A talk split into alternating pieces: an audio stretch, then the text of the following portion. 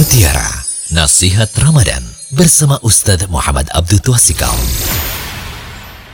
Bismillahirrahmanirrahim. Assalamualaikum warahmatullahi wabarakatuh.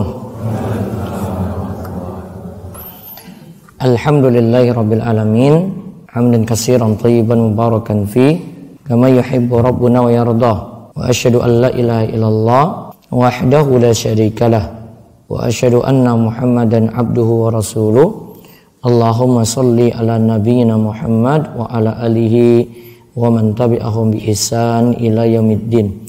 Allahumma inna nas'aluka ilman nafi'a wa rizqan thayyiba wa amalan mutaqabbala. Puji syukur kita panjatkan pada Allah. Salawat dan salam semoga tercurah pada Nabi besar Nabi agung kita Muhammad sallallahu alaihi wasallam. Baik, para jamaah sekalian, sekarang kita masuk kajian Ramadan. Kita bahas untuk kesempatan ini sholat semalam suntuk. Nah, bagaimana cara mendapatkan pahala sholat semalam suntuk? Wonten hadis saking Abu Dzar. Ada hadis dari Abu Dzar radhiyallahu anhu ia berkata, kami pernah berpuasa bersama Rasulullah Shallallahu Alaihi Wasallam. Beliau tidaklah pernah melaksanakan sholat malam bersama kami kecuali ketika tersisa tujuh hari bulan Ramadan, yaitu malam ke-23. Beliau lantas sholat bersama kami hingga berlalu sepertiga malam. Ketika tersisa enam hari, malam ke-24, beliau tidak sholat bersama kami. Namun ketika tersisa lima hari, beliau sholat bersama kami hingga berlalu pertengahan malam. Jadi sampai tengah malam, kalau tadi dari sepertiga malam. Kami katakan kepada Rasulullah SAW, bagaimana seandainya kami melakukan sholat sunnah lagi untuk malam yang tersisa ini. Nabi Shallallahu Alaihi Wasallam katakan innahu man imam hatta yansarifa kutiba lau qiyamu lailatin. Sesungguhnya siapa saja yang sholat fardu yaitu isya dan subuh bersama imam hingga imam itu selesai maka ia sudah dicatat mendapatkan pahala sholat semalam suntuk. Nah beliau tatkala itu tidak sholat bersama kami kecuali ketika Ramadan tersisa tiga hari malam ke 27, 28, 29. Jadi Malam 23 beliau keluar, 24 tidak, 25 keluar lagi. Kemudian malam ke-27, 28, 29 beliau keluar. Beliau sholat bersama kami pada malam yang ketiga tadi, malam ke-29 Ramadan. Ketika itu beliau lantas mengerjakan sholat malam bersama keluarga dan istri-istrinya. Hingga kami khawatir tiba waktu falah. Aku bertanya pada beliau apa yang dimaksud waktu falah? Dia menjawab yaitu makan sahur. Nah, di sini Nabi Shallallahu Alaihi Wasallam pernah sholat sampai sepertiga malam, pernah sholat sampai pertengahan malam. Nabi juga pernah sholat malam sampai mau masuk waktu sahur.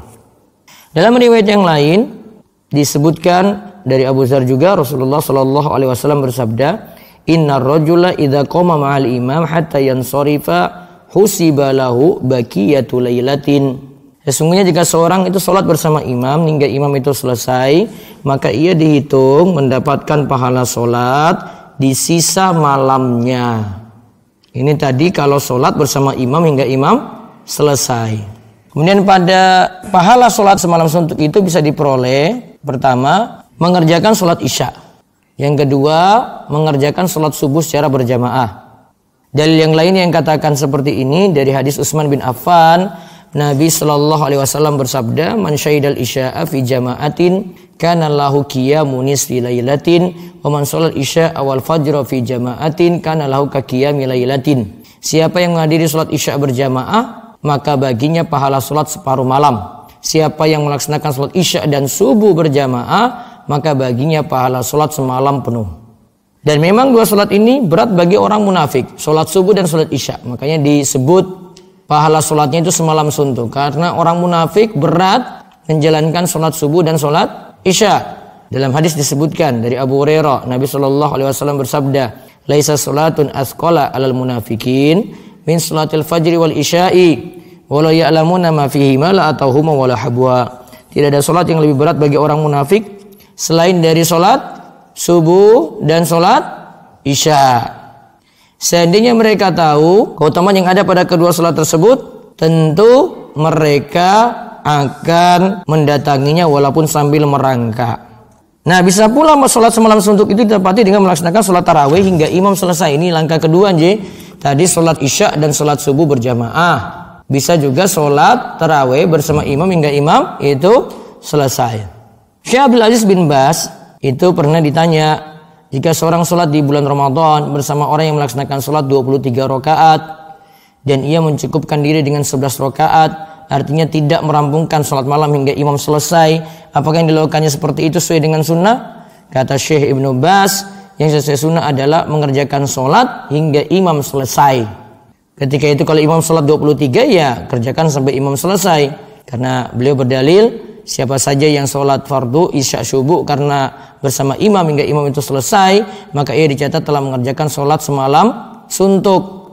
Dalam lepas lain disebutkan dicatat baginya pahala sholat malam yang tersisa. Oleh karena itu afdolnya bagi makmum tetap mengikuti sholat imam hingga imam itu selesai. Terserah imam itu mau kerjakan 11 atau 23 rokaat. Jadi lebih afdol jika mengikuti imam hingga imam selesai. Berarti kapan mendapatkan sholat semalam suntuk? Pertama, sholat isya dan subuh berjamaah. Kemudian yang kedua, sholat taraweh bersama imam hingga imam itu selesai. Terserah mau imam itu 11 rakaat atau 23 rakaat. Wallahu alam bisawab demikian yang kita bahas untuk kesempatan ini. Mungkin-mungkin bawa berkah bagi kita semuanya dan Allah memberikan kita taufik dan hidayah untuk terus semangat beramal sampai akhir Ramadan. Kita cukupkan tetap kalian doa kafaratul majelis. Subhanakallahumma bihamdika asyhadu alla ilaha illa anta astaghfiruka wa atubu ilaik. Assalamualaikum warahmatullahi wabarakatuh. Demikian mutiara nasihat Ramadan bersama Ustaz Muhammad Abdul Tuasikal.